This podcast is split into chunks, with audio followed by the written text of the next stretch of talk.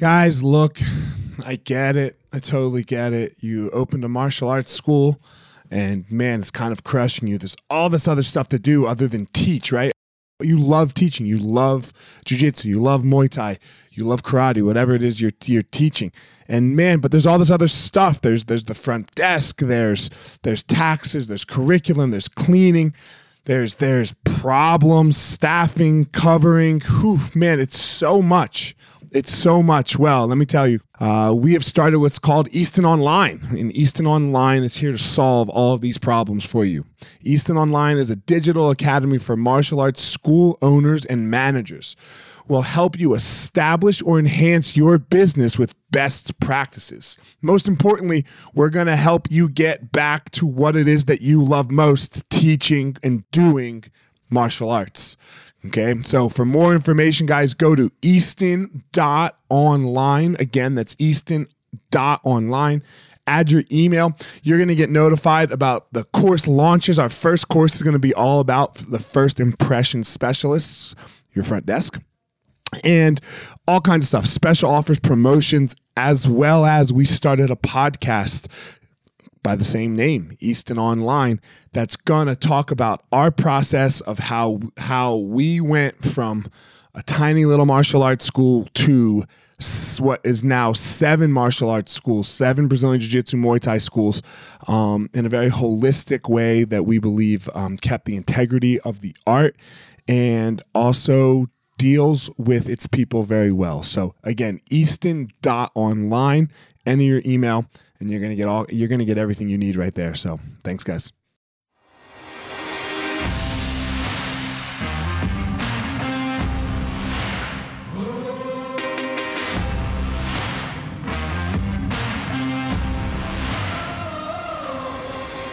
What's up, my ninjas? This is former UFC fighter Elliot Marshall, and this is the Gospel of Fire, where we are going to learn how to go into the fire so that we can find our power and live the best life possible.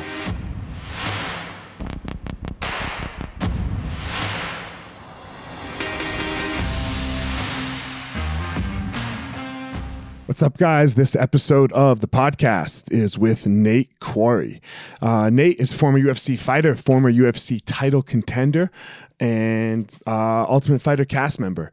Uh, so, man, we get into a whole host of stuff. Uh, Nate's upbringing in the Jehovah's Witness Church, his fighting career a little bit, and then. Um, I don't want to ruin it, but how he, you know, a little bit of a, his pol- political stance. He's very political and active politically, and um, how he how he uh, intersects that with uh, the fight life and how how hard you have to work. So, um, man, I hope you all enjoy the episode.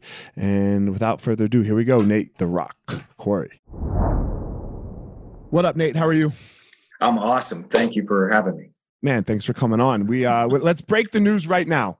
What what's what is the breaking news that you just got? I see it on your shirt. What do we got?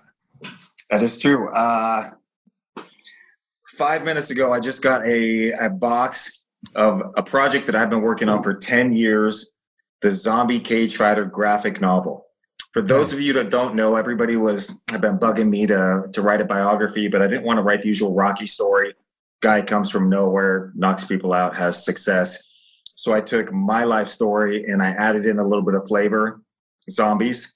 So here it is, the very first look of anyone besides my wife and I the Zombie Cage Fighter graphic novel. Boom. And I could not be prouder of this. I mean, this cover is beautiful painted artwork by Horley, the interior pages by Travis Kotzebue. Uh, it's just it's just phenomenal. So you wrote like a comic book of your life almost.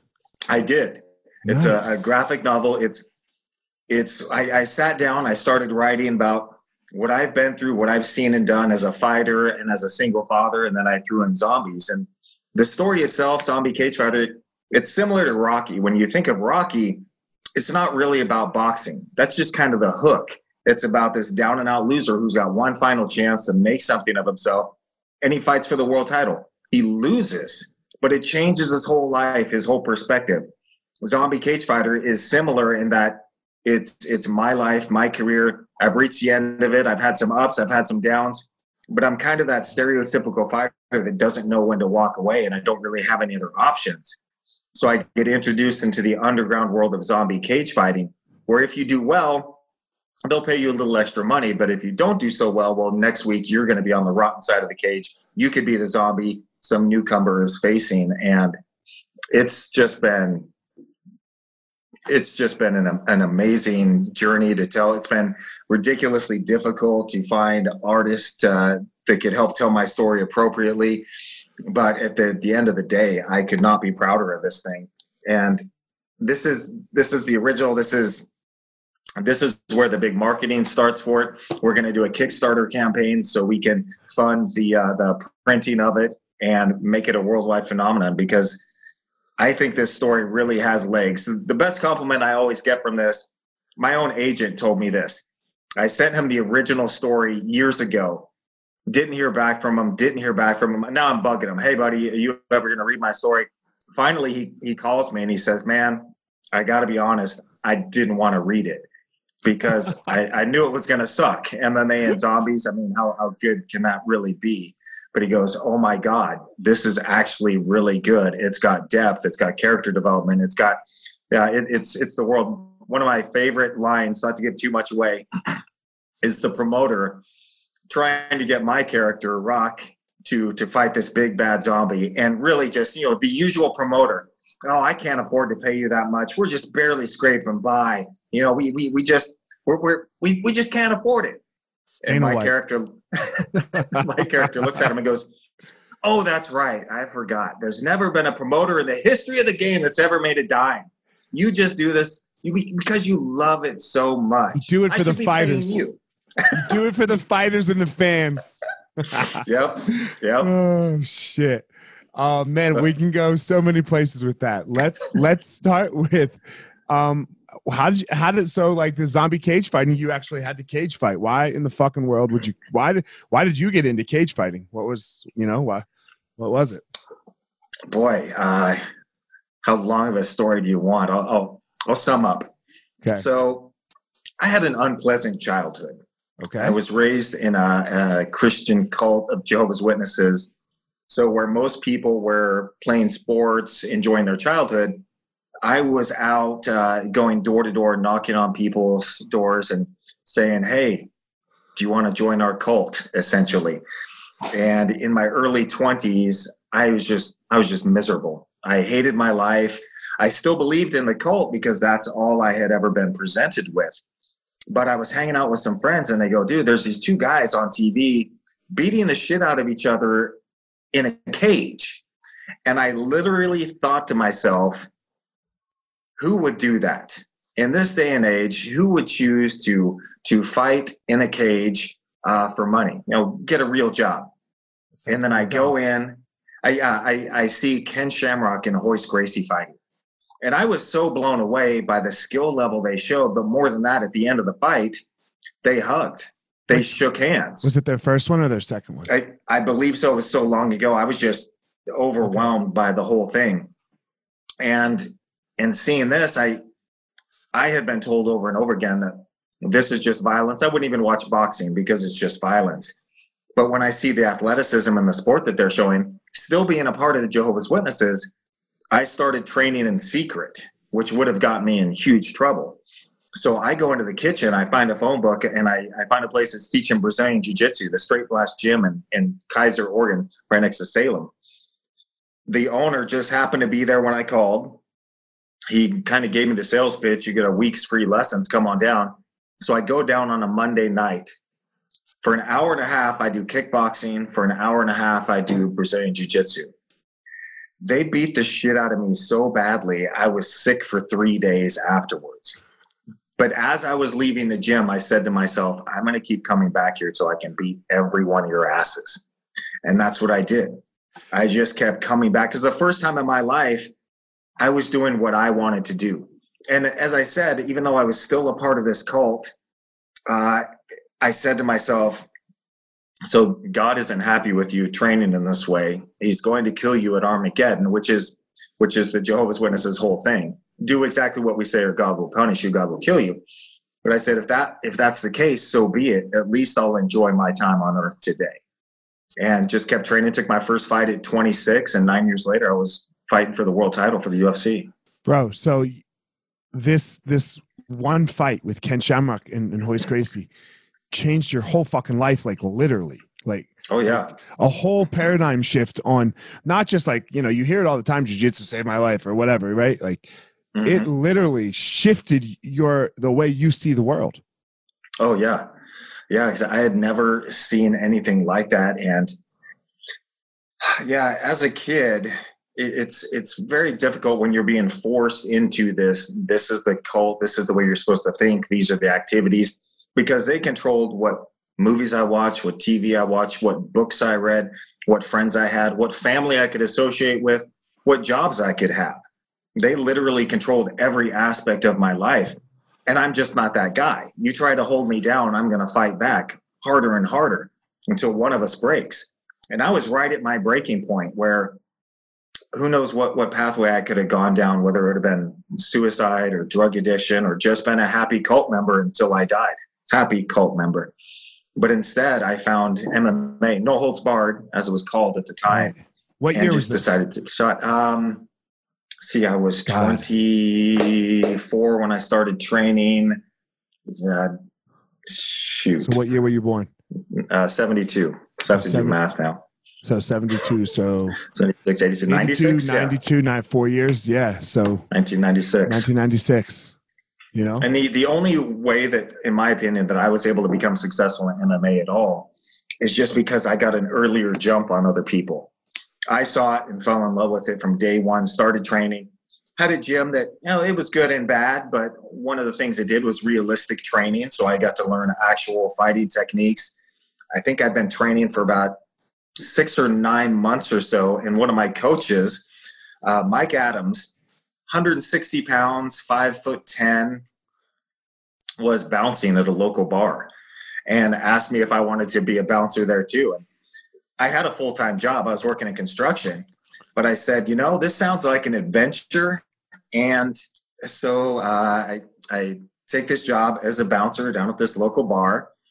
And we had riots there, actual, honest to God, riots.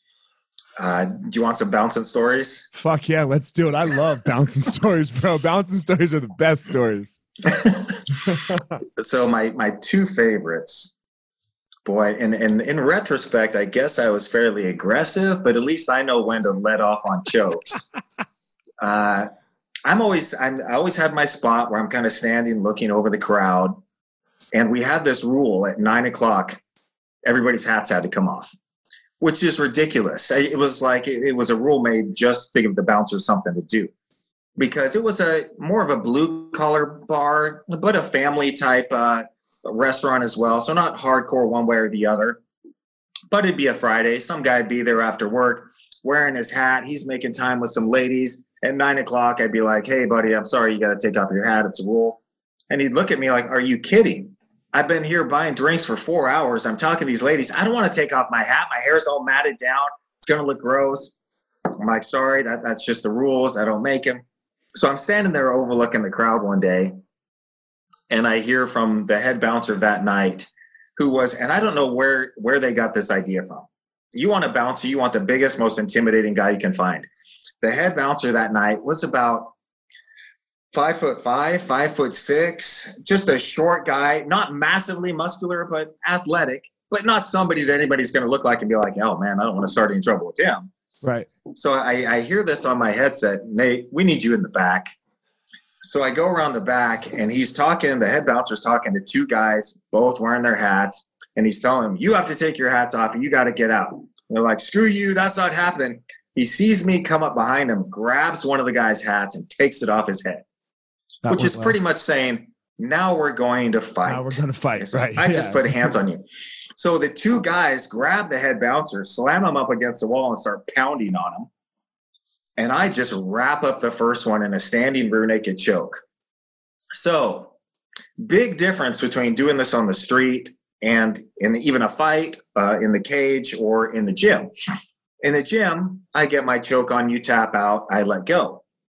In the street, you're most likely not trained. You're going to go for things that are more just natural. like gouging somebody's eyes out that are behind you, type of thing. So when you get that rear naked choke on standing in a street fight, you shake the shit out of them. And I'm just yarding him back and forth. And this does two things it keeps them off balance so they can't think to reach behind you because they're just going, they don't know what's going on. Secondly, as soon as you see their arms start flailing around, you know they're unconscious. That's when you let go. So I chuck him on the ground and he is just laying there completely out. Turn back to the second guy. He still has the first bouncer up against the wall, hitting him. I go to pull him off, but he's locked in pretty tightly. So this was the only strikes I ever threw in bouncing. I kneed him to the back of the thigh three times. And it was like a heavy bag. But that got his attention. He let go. He came up and I locked him into a choke. And this guy, he was a lot calmer. So I just kind of walked him back, handed him off to another bouncer who'd appeared. And now I look back at the first guy. He's still unconscious on the floor. And I look up and there's a big half circle of people that have been watching this whole thing go down. And I just look at everyone and went, everything's cool. Nothing to see here. and the guy in front puts up both his hands and goes, it's all good, brother. It's all good. and then the first guy wakes up and I lock him back in a choke. And I, I'm like the, the, the classic, the action hero with my lines. Cause I just whisper in his ear, you've got two choices. You can either walk out or I'll drag you out. And he just goes, I'll walk out. Good choice. And then I just walked him out the bar and let him go. And it was all good for me. Man, I can remember uh, one time I choked somebody. I was a bouncer too, you know? Mm. And like, uh, it's hard for people to understand like that only do jujitsu, right? Like when you when you're standing rear naked choking somebody, um, you can't necessarily put your hooks in right? Right. Because if you put your hooks in, you could very easily be on the bottom of this massive oh, yeah. pile and be right. Like, so that's um, uh, if you only do like sport jiu-jitsu, like you're like, dude, you should just put your hooks in. No, you've never oh, actually man. been in a fucking fight, you know. So man, like, so I'm standing rear naked choking this guy, and I'm doing the thing where you like take him down and back him down, like you did to the second guy. It sounds like perfect. And then all of a sudden, man, uh, the pile of like five of other ten other people over there to our left just comes and runs us over right? So like I protect my head and I'm on the bottom, but like I'm stuck now on top of this guy choking him. Like my arms are stuck. And I'm like, fuck, fuck. Right. And I'm trying not to choke him. And then like the whole it gets broken up. Like I'm fine. But this dude is out. I mean, he is fucking out. And I'm like, oh God, I killed him. Right. Like just like because I'm like, we're talking like it's 30 seconds you know, and he's still mm. asleep, which is not good, right? Like you're right. really fucking scared there. And I was trying not to choke him and I pull, and I'm like pulling him down the back steps where nobody can see him. and I'm like, "Fuck, wake up, wake up!" Like, and then he woke up, and then I was like, "All right, man, you good?" He's like, "I think I'm okay." I'm like, "Yeah, you should just leave, huh?" And he's like, "Yeah, yeah, I'm gonna go." oh, that's awesome. So yeah, bouncer stories are the best stories, bro. my my other one that's that's pretty pretty spectacular so we had a different head bouncer this night. Again, where they found these guys, I don't know. He was not even athletic, probably 5'10, just had a punchable looking face. His go to move was always uh, the police have been called, which doesn't help anything. No. But I think I get the call. Nate, we need you in the back. So I go back there and I'm standing next to him. There's a giant standing there who's upset about something. And I swear, I don't think I'd be exaggerating if I said he was six six, maybe six eight, and close to 300 pounds. Athletic, just a massive dude with two little buddies standing on each side as the instigators. and and the head bouncer jumps in just to let you know police have been called. They're on their way. And the, the little guys are like hopping over the big guy, slapping people. And the big guy finally just goes, fuck this and starts whack-a-moling people, just bonking them on the head. Well, I turn to the it, it, so big fight breaks out in the whole bar. Everybody is fighting. I turn to the head bouncer. He's already unconscious. There's a broken pool cue next to him. Somebody whacked him and dropped him. Know, I'm standing here going, okay, well, who am I going to take out first? Well, of course, I have to go after the big guy, Big guy. But he's too far away. I can't get to him. And, and people are fighting all around. Between me and him is this big pool table. So I jump on the pool table, run down it, jump off the end of the pool table, land on his back in a full rear naked choke. And now I'm a bucking bronco where he's just whipping He's me around, trying to get me off. Finally, and he's you know takes a good five seven seconds. It doesn't sound like long, but it is a long time when you're riding on a, a, a bull. He finally starts to go down, smashes into the cigarette machine right there, and I hear this. That's my brother, you son of a bitch. now I'm right where you are. I'm trying to peel my arms off Right. as these two guys come running at me. Fortunately, another bouncer showed up, took care of one, but now I'm still on the ground. I'm crab walking backwards as this guy is coming at me and kicking at me. We get next to the bar. He reaches up, grabs a wine glass, breaks it off by the stem, and starts stabbing at my legs, grazed one of my legs. Finally, I get get my base underneath me, stand up, grab him by the collar, kick the door open that's right next to him, and just go, "You're out," and chuck him out the door. The police show up, and they're standing on this balcony, kind of watching everything. So I run up to him and I'm like, "Hey, you know, could you give us a hand? Come down here." Cop looks at me and goes, "I'm not going down in there, but you should go get that guy." And I'm standing there going, "You know, I don't have a blue line to hide behind. I don't have mace. I don't have a union. If I assault somebody, I'm going to jail. But you're going to stand up here and tell me which guy I should take out." Awesome. Thanks. So I go back into the mix. I'm messing around with people. We finally get everything calmed down. My manager comes up to me and says, Hey, Nate, uh, go out the back, make sure there's no trouble in the parking lot. Cool. So I open up the back door, step outside. There's the giant and his two brothers. Why would you have to go in the fucking parking lot? That's not your job. Tell me about it. and I stand there and I look at the three of them, and the big guy puts out his hand and he goes, Hey, man, didn't mean to cause any trouble, just got a little excited, is all. And I shook his hand and went, It's all good, man. I understand.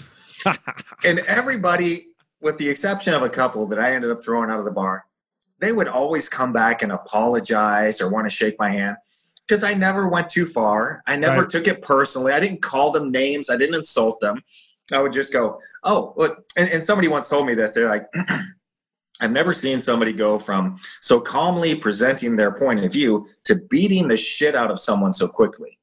And that's kind of how it would be. I'd go up to and somebody then and, I'd be like, to calm, probably, right? Like as soon as it's over, you're calm again. it's done. Yeah. Because I'd, I'd be like, uh, excuse me, sir, uh, your actions aren't appropriate here. I'm going to have to ask you to stop. Fuck you. Okay. Right. take him out or do whatever is necessary and and then the next week they'd come back and they'd see me there again they'd be like geez man i'm sorry i i, I was kind of an ass last weekend and I'd just go dude i understand I, i've been a dick for free many times i Right. don't take anything personal this is what it is Yeah, it's it's the sign of somebody that really knows how to fight, though, right? Because like the rest of the bouncers, when they, after the brawl breaks out, everyone's like, I don't I don't know what your bar was, but my bar was like this. Everyone's like, Oh man, I did this and I did that. Fuck yeah, man. You know, like, and it took three of them to handle one dude, and you're over there like cleaning up the mess, right? Because it's like, dude, I fought. I already fought today at practice, right? Like I, Yeah, I've already yeah. fought. Like so, getting in fights really isn't that big of a deal for me like getting in cage fights and the like that's a big deal because like you have time to think about it. oh yeah totally, yeah totally different, right? Like totally different. yep. But when it just pops off, you're like, oh shit, all right, that's over, you know. And now we'll we'll just go back to work, you know. Yeah. Yeah. And, and like I tell everybody, you know, I'll meet somebody and be like, oh, you must get in fights all the time. Like, dude, the last thing I want to do is get punched in the face for free on my off time. Bro. But it's, you come up and insult me at a bar, I'll go someplace else. I do not care. I had I was making an appearance in some random bar in the middle of nowhere one time, and one of the waitresses came over and said, "Hey, just just to let you know, those two big guys over there, they're kind of eyeing you. I overheard them saying they want to make a name for themselves for by jumping you or something." I went, "Okay, cool." I walked right over to the two of them. I went, "Hey, excuse me. Oh, dude, I do not want to mess with you guys. You guys are gigantic. Do you know where the bathroom is? I will walk clear around you to get to it." They were like, "Oh yeah, man, it's over there." And then after I walk away, they're like high fiving each other. They're like, "Yeah, man, we got the respect we deserve." And I'm like, "Cool, Cool. it's all good by me, man." Yes, you did. Yes, you did. Perfect, right? it's uh it's such a crazy thing that like this that that's even a thing but i get it right like if you don't actually get to test yourself you know if you don't actually like uh i do these little short hitters not short hitters but like these little like i do two interviews a week and then tuesday wednesday thursday i give like something motivational you know and i'm doing the the man in the arena right now you know the, the Mm. roosevelt quote Oh yeah, yeah. if you're not actually jumping in an arena like for real you you know you, you your brain goes stupid right? Your ego gets out of control. We're like if you are and, and like look when i say an, an arena like if you're trying something like really really putting your effort at something you got no time for this other bullshit of like oh man i'm gonna fuck that dude up or oh man that guy did something wrong or oh that, like it's just when you're working you you have it's inso- inconsequential.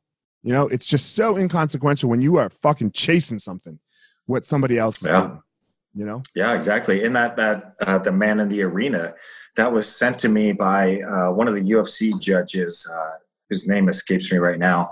After I lost to Rich Franklin, and he said, "Man, you're going to get a lot of haters out there. Just remind yourself of this." And I have thought about that many times. That it, it's so easy to be a critic from the outside when you've never actually attempted something. The nicest guys are always the, the baddest, the, the champions, the guys that have been there, that understand the struggle it's like you just said it's those that have never truly been tested or fought for something that matters. They're still trying to figure out who they are. I know who i am. I'm not a world champion. I am not the best the world has ever seen.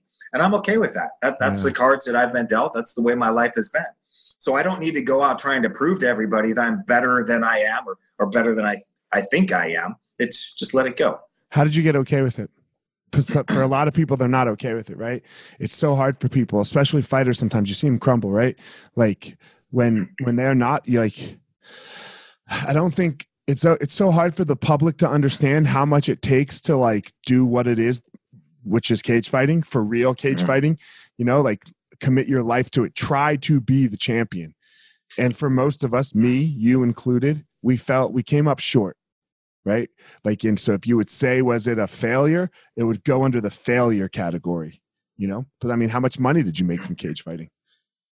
Oh geez. I would have made more money in, in construction. Right. No so none of us, we didn't make that much. None of us were gsp or conor mcgregor right? Mhm. so we failed. How did you get good with it? Uh, for me, it was just acceptance of, of, of being completely open to who I am and my limitations. Uh, even, you know, shortly after, and when you've been brutally knocked out, for those that don't know, I compare it to like little Polaroids for the next few hours. I came out of the cage. I remember telling somebody like a day or two later, man, I, I wish I would have seen Randy after the fight. He, he didn't come up to me. And he goes, uh, no, dude, you talked to Randy, like Couture. Like Right. you had a long conversation with him. I was like, oh, I have no idea. Uh, well, what about my brother? Oh, no, you talked to your brother too. No recollection of that. In fact, in the cage, so I get knocked out. I fall like a tree. My hands are still up. Robert Follis was my head corner at the time. He's passed. Uh, what a I wake dude. up. The doctors they want to check me out, and I'm just going, no, I'm done. I'm out of here. And the doctors are trying to get me to sit down. Follis comes up and he says, he just got knocked out. He doesn't know anybody here. Let me talk to him. So they let him over, and he says, Nate, the doctors need to check you out. I sit down on the stool and stand right back up and say, okay, you, you good? You happy? And he goes, no, sit down. Let them look at you. So I sit down. They check me out. Somebody comes over and says, hey, Rogan wants to interview you after the fight. And, and Robert looks at him and says, no way. This, no way. and Robert told me this later because I have no recollection of this. right I stood up and I looked at Robert and I went, No, I've got something I need to say. And he looks at me and goes, Are you, are you sure? Do you, do you know what just happened? I go, Yeah, I just got knocked out. He goes, Okay, go ahead. So I go up to Rogan. He says, Hey, did you take the fight too quickly? I'm like, I, the, the main thing I remember from what I said afterwards was, I'm not going to go to my grave wondering how great I could have been. I'm going to know who I am, where my standing is. I would rather fail greatly than always wonder. And I, I raise my hand, I say, I'll be back. And I go to Robert and I say, Hey, Robert, where are we? And he goes, What? We're in Vegas. And I look at him and I go, What the fuck are we doing in Vegas? He's like, Dude, we got to get you out of here. No more interviews. And then the next hmm. snapshots I remember is is just taking a shower in the back, and now the emotions are overwhelming, and I'm crying in the shower. And of course, I lost. I'm a loser. I'm no good. Blah blah blah. The same thing. If you've ever been to a title fight, you're gonna hear that out of the shower from the guy who just who just lost. I've heard it many times.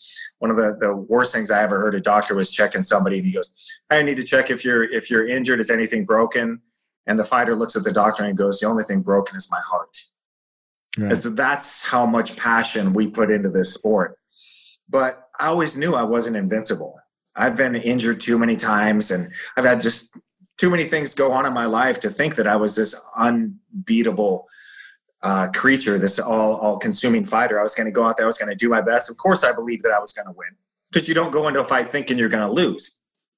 But the funny thing about it now is it's been 15 years. Every once in a while, someone and even a few fighters on occasion will ask me, Uh, uh, talking about my political views, whatever the case may be. God damn, you must have gotten really hit hard by Franklin. Did you ever even wake up? Blah blah. blah. Taking this this dig at me, this shot. And my response is always the same. From where I'm sitting right now on my kitchen table, I can see the poster framed from that night when I fought for the world title.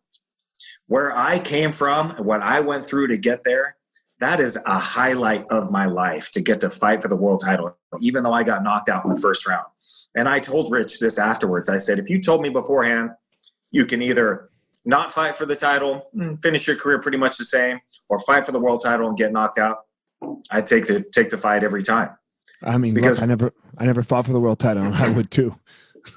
Man, it's it's crazy. It's I'm being in that hotel room and seeing my face on on the big sign outside of the MGM Grand and playing the video of my fights over and over again.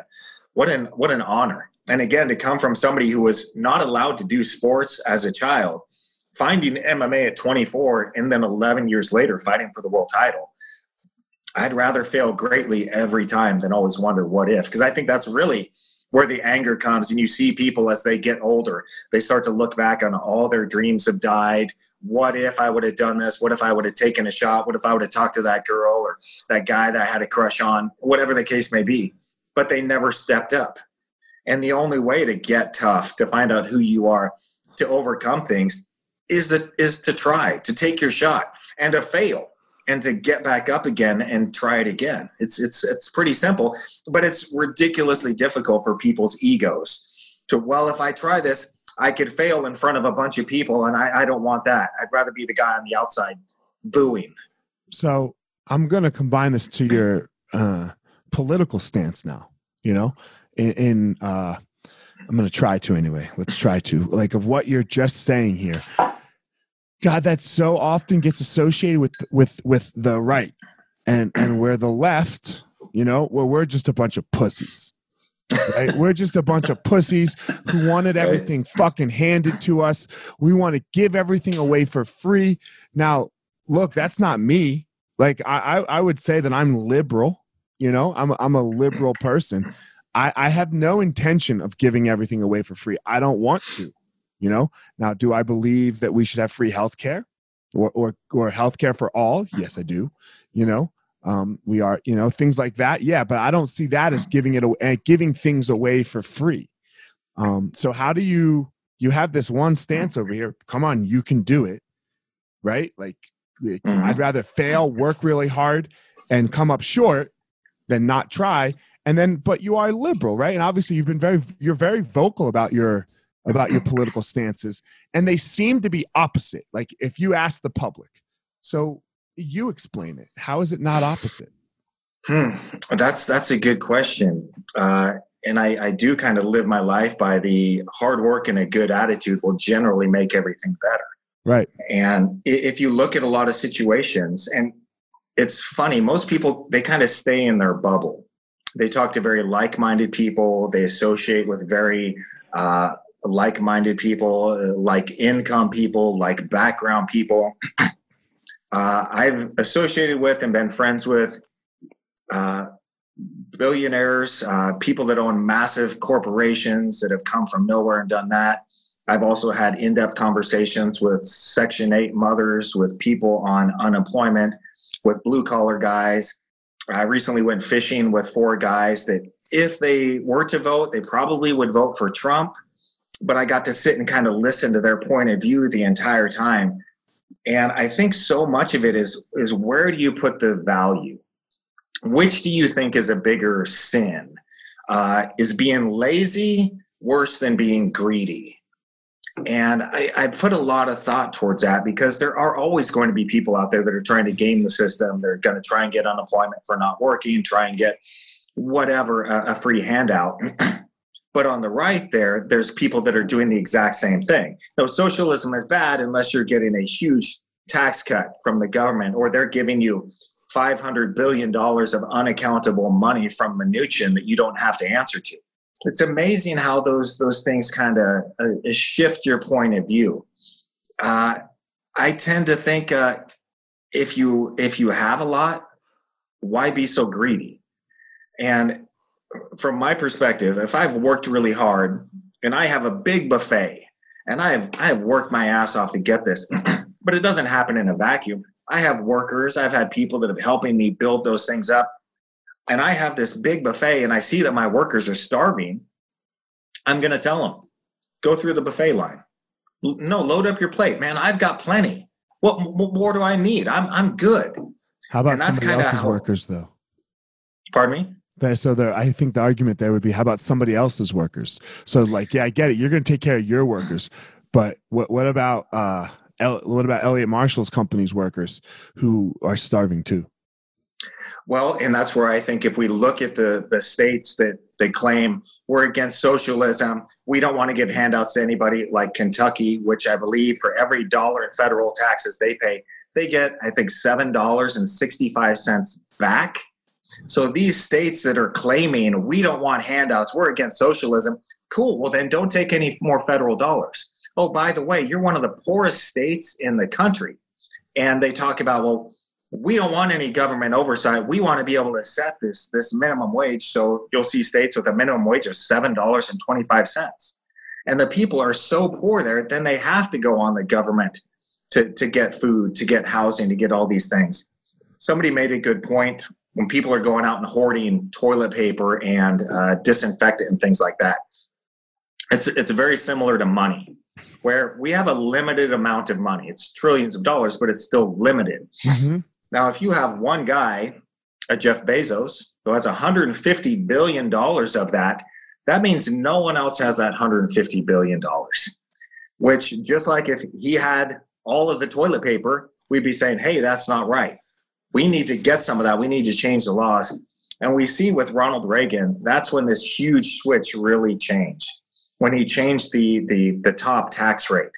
So now you have these that have billions and billions of dollars being taxed less than the working class. And the big thing with that, the best example I can think for that is uh, when you make an investment in stock and then you sell your stock. What's that called? And you're you're not taxed on it. your dividends? No, no, no. Oh. It's uh, it's when you well, you're taxed at a different rate if you go to work, go to your job, you're taxed at a very high rate. But if you right. take that money then and you invest it in something oh, else, if you exchange it, it's like a 1031 exchange. Uh, uh, that's for houses. That's for houses, but, yeah. But we we get the idea, right? If if you just yeah, reinvest yeah. right away, you don't actually take the money. Well, it's well, it's like uh, my daughter had some stock that I held for four or five years, and it was a five thousand dollar investment, went up to fifty grand well, if I went to work and made $45,000, that's going to be taxed at you know, 20, 30%. Right. The money that she made off of that stock is not taxed at all. She's not paying any tax on that. Yeah, but she so, she also didn't take it into her checking account either. She did. She sold the stock. Now it's there because she held that stock for over a year. It's not taxed uh-huh. as long as she makes under 40 grand for the year. So that, and it could have been not 50 grand, it could have been substantially more money. Uh, my point being that the working class is shouldering this burden. And to your point about Medicare for all, uh, what we see right now in with healthcare, we have doctors, we have patients. Patients need to see the doctors, but right in between them are these insurance companies. These insurance companies CEOs who are making tens of millions of dollars in salary every single year Uh, from my perspective, uh, the Obamacare, I think it was a, a good idea, but it didn't go far enough to where now the poorest people they have free health care. The richest people never really cared because it's such a small percentage of what they have. But the middle class, we're carrying that burden so those insurance CEOs can make $10 million. So I was in the medical device industry for 12 years, 13 years, because I had my back surgery and I teamed up with the company to help illuminate people that you can have back surgery, you can get your life back, you don't have to live in pain. They set up a program just to battle insurance companies because you would have a surgeon say to a patient, okay, your disc is completely collapsed. You can't walk. You're on massive dosages of opioids. I want to do this surgery. It's going to cost $75,000. So we just need to run it by the insurance company. Insurance company would just deny it. Say, no, no, you don't, you don't, you don't need it. We're just going to increase your, your morphine. So they would set up a peer to peer meeting between the surgeon and a doctor that works for the insurance company. So the surgeon is bringing his x rays, his MRIs. He's saying this patient can't walk, they're in pain. And I met patients like this who are laying on the floor. They could not even walk, whose children were crawling around them because they were in so much pain. And the insurance company would just say, no, we, we disagree. And the surgeon is talking to a podiatrist or a family doctor or something, and they're just reading from a script that says, oh, we're just going to up your, your medication. Oh, we're just going to deny this because eventually you'll get so sick and tired of it, you'll either die, give up, or switch to another insurance company. Also, they can continue to make their millions and millions of dollars in profit. So we get rid of those insurance companies right there. How much easier would the whole thing be? Because they're for profit. It's it's a nightmare. I i'm a huge believer in in medicare for all. We look at the other countries that have things like this. They get better care. It's substantially cheaper. Uh but yeah. you die but you die waiting. Show me. Show me the numbers because that's that's the argument that i always hear and the people that i talk to from those countries say uh, no, you get emergency service right away. If it's non emergency, you may have to wait for a while. But here's the other option. So, would you rather wait a couple months or not be able to afford it at all? Or bankrupt your family because of it. I think when when we're looking at the COVID nineteen thing that's going on right now, for one thing, our stock market is massively bloated. It's this huge bubble based on absolutely nothing. I hope people but can understand what the stock market, right? Like you brought it up here. I hope they can mm-hmm. fucking understand that the stock market and the economy, the actual economy, have nothing to fucking do with each other. Like I Correct. hope I hope we're fucking seeing that because 30 million people went out of work and the stock market went back up. Like that's yeah. not fucking possible if we in with a good economy.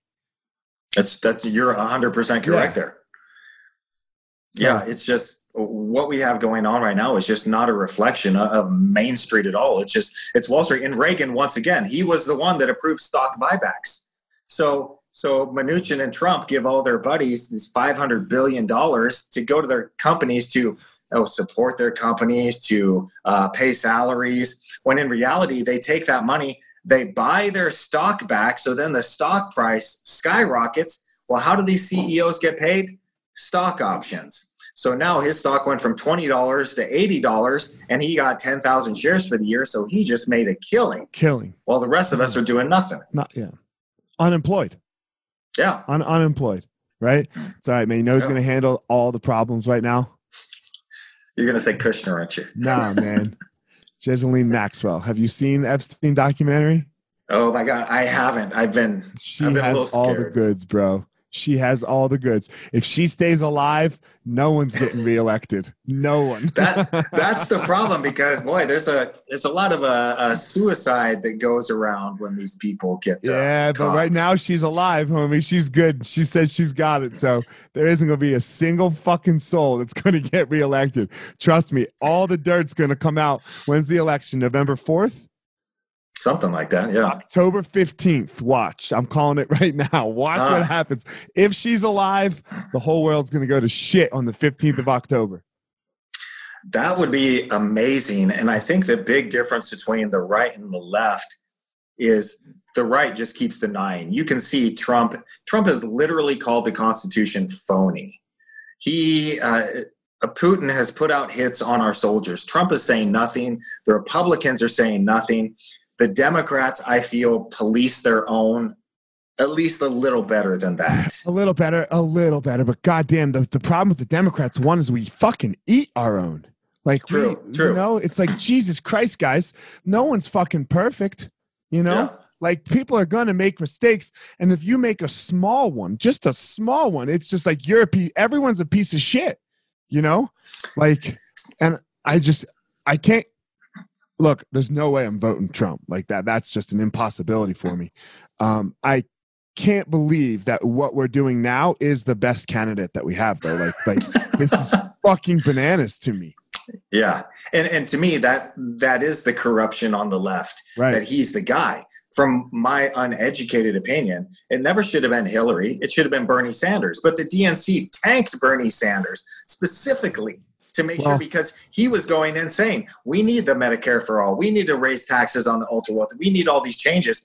And the people in power who are funding the campaigns of everybody else said, "No, we just can't let that happen." look hillary was supposed to win in 08 against obama and then she didn't right and then she Mm. didn't so the dnc made a promise this is again uneducated right the dnc made a promise that you know 16 here we go where it should have been bernie right or it should have been Mhm. some or maybe biden then because Mhm. look, Obama just had eight successful years. Normally, that vice president goes in.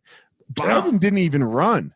Biden Yeah. stepped out because he knew what it was. He knew Hillary was getting it. There was nothing Mhm. anybody could do. Well, now Hillary loses to this fucking ungodly who knows what, right? And Mhm. now here, so now here we are again. And look, it should have been Bernie again, but the DNC had promised Biden from the years before when he st- took the backseat to Hillary, and they push him through. It, it, I mean, so this is like, uh, and and look, I yes, I agree with you. I dislike the right more than I dislike the left. Kind of like what you were saying, like greed, like which one do you, which is the bigger sin, greed or laziness? You know. Mhm. So I, I agree, but they're they're both just right now different fucking worst colors of vomit, in my opinion. You know. Yeah, I think what I'm hoping for is a kind of the old guard will start to fade away, and we're seeing more Democratic candidates coming in. Uh, and and Ocasio Cortez rubs a lot of people the wrong way. A She lot of the does rub me stuff the she way. says, a a lot of the stuff she says, I think is way too far left. But a lot of the stuff she says is just good common sense and working for the common people. So I'm hoping we get more people like that coming up from the left. If the Republicans were actually truthful about what they say, that we want small government, and then voted to cut the funding on the Pentagon and the military, which they don't do, that that would be another story. But it, it's it's just phenomenal how the hypocrisy that we get from there, and and to that the Pentagon funding bill. What was it? I think two thirds of the Democrats voted for the funding of the Pentagon to, to raise it, to increase it, whereas 100% of the Republicans did. So I'm, I'm just really hoping that one third of Democrats is going to grow and we can actually get some real change. Yeah, the the whole like small government, big government thing, it's all total. You know, it's all total bullshit. Yeah. Depends on the Yeah. issue you're on. Like, look at the gun issue versus the abortion issue, right? Oh, yeah. Like the- the, Democrats are small government in one side and big government on the other, and the Republicans, you just flip flop the issues. They're small on one and big on the other. It's just absolute bullshit. You know, I my my take on that though would be a little bit if we look at the the Republicans, their big thing is no abortion for anyone ever. And the Democrats, well, yes, we do have some people that are on the far extreme left. We're saying no guns for nobody. The majority of us are saying we just want some some realistic regulations so we are not the continuous murder capital of the first world. I, I mean, look. So, I mean, yeah, I agree hundred percent with you. But on the on the broader, I was just saying from the broader spectrum of what. No, man, I hear, I agree. yeah. I agree I 100% with, that. what you're it's saying. Not, yeah, it's not as simple as like big government, small government. Because yeah, I'm fine with anybody own. I, I, I go ahead, own a fucking gun. I don't give a fuck. You know, as Just be responsible. Don't, Be don't responsible. me. Yeah, I let me know you're responsible, right? Like let me Yeah. know you're responsible by you know passing. Which is such a such a weird concept because uh, for a group of people that say how much they love the government, I love America, these colors don't run. Yeah. Well, hey, do you mind if we kind of try to reduce some of these killings? Oh, hell no, because the government's going to come and take my guns. It's like, well, wait a minute. I thought you just said how much you loved and, and were all about the government, but now when it comes into practice, you're the most terrified of government overreach of anyone I've ever seen. Yeah, they're it's all just bullshit, man. It's just a facade for each one of them to be able to fight, in my opinion, you know, to fight against each other so that they can keep their jobs, not really have to do anything, have no term limits, and just run run this fucking gamut for as long as they want to run the gamut for, make fucking money, not really help anybody, and then I don't know, uh, you know, and maybe I'm just a little fucking masochistic with it, but they fuck. Uh, no, I, I agree 100% because yeah. we see things when when the Democrats or the Republicans have both houses in the White House, you think, okay, now's the time, force those changes through. Nope. Nothing happens. As soon nope. as the Republicans lose the House, then abortions are this huge issue once again. Then right. all these things come up just so they can say, we're trying to get things we're done, but the yeah. left won't let us or the right won't let us. And the same thing happens vice versa, right? Like, it's, yeah, yeah. it's the same thing. The Democrats control. Like, look, Obama could have pushed through fucking Medicaid for all, uh, Medicare for all, right? Whatever, which one yeah. I always. Yeah, yeah, yeah. But he could have, right? Like, he had the House, he had the Senate, and he was the fucking president. It would have happened. It would have happened. They couldn't have fucking stopped them. But, you know, we didn't do it. You know, mm-hmm. we didn't do it. Uh, and you, so yeah, and they could have made them do it. Like you, you would have thought that maybe like the Senate Democrats and the and the Republicans could have made them do it, but they it just didn't go that way because and that's I mean your point's perfect there. You know. Well, and somebody pointed out to me basically the exact same thing that you were saying when we had the big housing crisis and all of that. Obama just blanket cleared all of the bankers yeah. and all of that. And I'm sitting here going, Are you kidding me? The corruption is at least tried to hide it a little bit. Yeah, and look, I'm I'm pretty much an Obama fan. I fucking love the guy, you know. And may, maybe it's because I'm half black and like I don't know. I, I know it. I saw what that meant for like African Americans and like my dad and people like my dad, you know, and like what, yeah, what yeah. that day was. So maybe that's uh I, I can see my cognitive dissonance there of like, like just what my history is. Uh, but yeah, he fucked up a little there for sure, and he fucked up on the healthcare. He what he wasn't hard enough when he could have been harder. So yeah, yeah, I agree. He did kill Bin Laden, so fuck it. that's that's my favorite argument. My Republican friends go, "He's a fucking pussy." I'm like, he killed Bin Laden. What are you talking about? You know?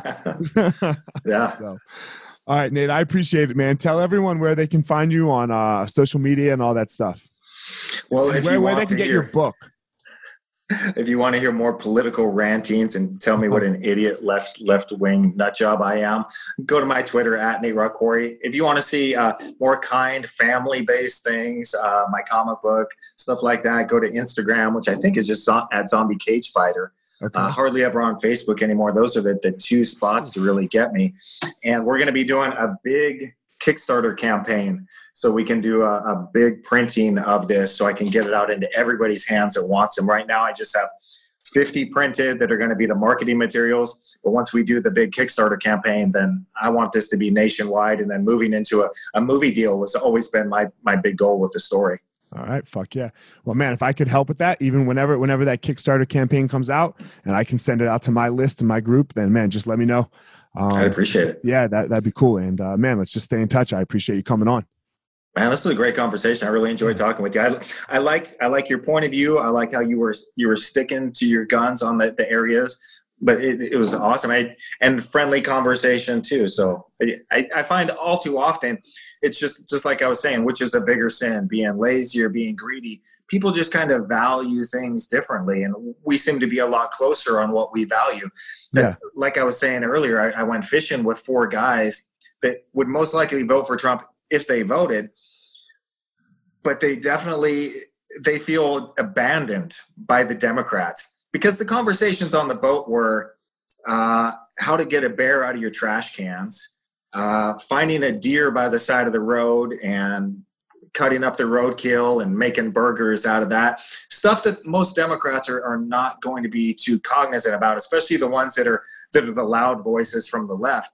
But their concerns, my, my fishing buddies, were police brutality, wages, all the things that that the left is really focusing on. They just they're just tired of being made fun of by the cool kids. When I looked at uh, MLK Jr., when he had a lot to deal with, he had racism, Jim Crow laws, he had a lot of shit going on, and yet he reached out to the poor white folks and said, "Hey, our struggle is yours as well. Why don't we come together and fight as one?" And made a huge difference. I think what, what really it's it's a corny saying, but what what what we have in common is so much more than what separates us. Yeah, we, we all want the same things.